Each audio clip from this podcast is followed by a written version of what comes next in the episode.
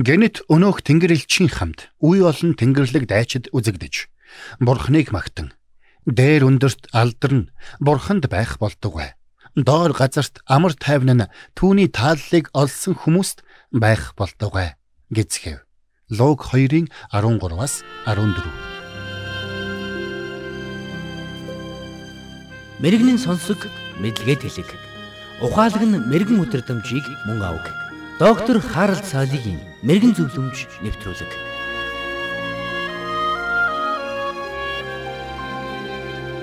Хэрвээ та энэ хөгжмийг өмнө хизээ нэгэн цагт сонсож байгаагүй бол энэ нь та сонсоогүй биш.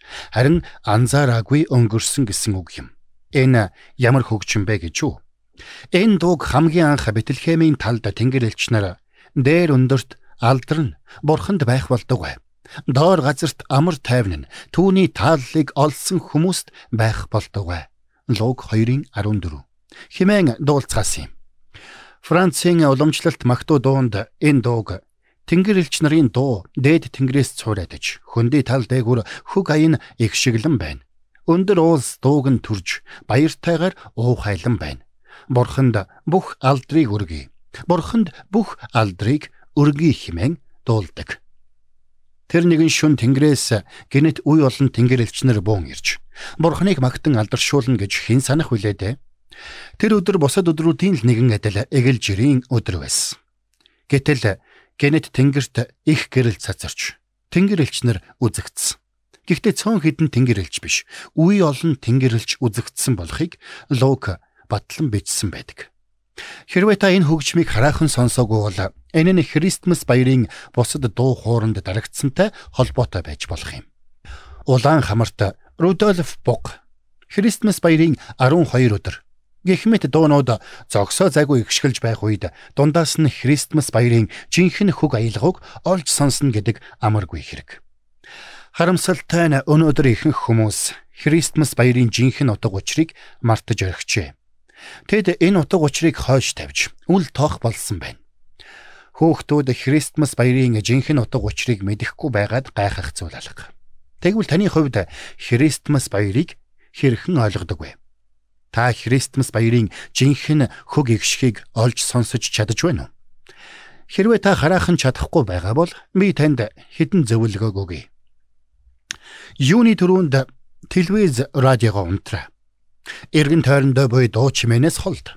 Тэгээд гадагш гараад Тэнгэрийн ододыг ширтэн хар. Бурхны бүтээсэн бүтээлүүд рүү эргэж очих нь бидний анхаарлыг эхлэлийн цэг рүү хандуулдаг. Учир нь бүтээлүүд нь хамтдаа баяртайгаар бүтээгч Бурхнаа магтан алдаршуулж байдаг юм. Тэгвэл Есүс Христийг мэндэлсэн өдрөөс олон зуун жилийн өмнө Давид хаан мөн л Бэтлехемийн дэрэгдэх тал хөндийгөөс Тэнгэр нь Бурхны сүр жавхланг зарлаж огторгүй гарынх нь бүтээлийг тунхаглаж байна. Дуулал 19-1 химэн шүлгэлсэн байдаг. Үнэхээр бид Тэнгэрийн ододыг ширтэн харахтаа өөрийн ирэхгүй одод гаргасыг бүтээсэн бүтээгч Бурхныг дурсан сандаг. Ингэхдээ Бурхны хувьд бид сансардах амьгүй эд зүйлсээс илүү үнцэнтэй гэдгийг ухаардаг. Тэгвэл хамтдаа Есүс Христийг мэндэлсэн тэр шөнө Тэнгэр элчнэр Бурхныг хэрхэн магтан алдаршуулсныг уншицгаая. Энэ тухай Лук өөрийн номдоо тэмдэглэн үлдээхдээ ийхүү бичжээ. Тэр газар хідэн хончид сүргээ манаад шүн хээр хонголж байтал. Эзний тэнгэр элч өмнө нь зогсож эзний цог жавхлан тэдний эргэн тойронд гийсэнд хончид үлэмжийн айдаст автжээ. Тэнгэр элч тэдэнд бүү айхтун харагтун би бүх арт түмнийг үлэмж баярлуулах сайхан мэдээг та нарт авчирлаа. Өнөөдөр Давидын хотод аврагч эзэн Христ та нарын төлөө мэндэллээ. Та нар тижээлийн онгоцонд байгаа даавуунд үлгээтсэн ялх хүүхдийг олж харна. Энэ нь та нарт тэмдэг болно гэлээ.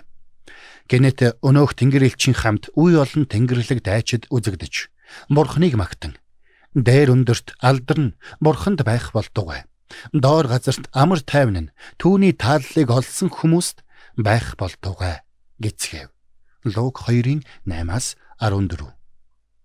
Би ямар нэгэн дууг анх удаага сонсохдоо тэр аяыг тогтоохын тулд амандаа удтал аялдаг. Хэрвээ цаасан дээр бичсэн байх юм бол үгийг нь нүдэндээ тогтоох гэж оролддог. Тэгвэл таач бас Бэтлехемийн талд игшгэлсэн магтан дууг сонсож тогтоох гэж оролдоорой. Хэрвээ та тэр дууг хараахан сонсоогүй бол тэр нь танд сонсогдоогүй биш. Харин та анзаараагүй юм. Тиймээс толгоогоо өрг. Чихээ тавь. Та Тэнгэрийн магтан дууг сонсож чадна. Энэ бол баяр хөөрийн симфони юм. Өнөөдрийн энэ хүнд хэцүү цагт бидэнд хамгийн хэрэгтэй хөг эгшиг бол энэ үлээ.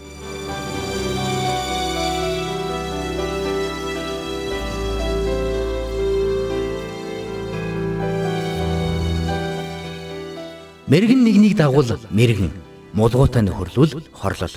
Доктор Харалт цайлигийн мэрэгэн зөвлөмж нэвтрүүлэг танд хүрэлээ.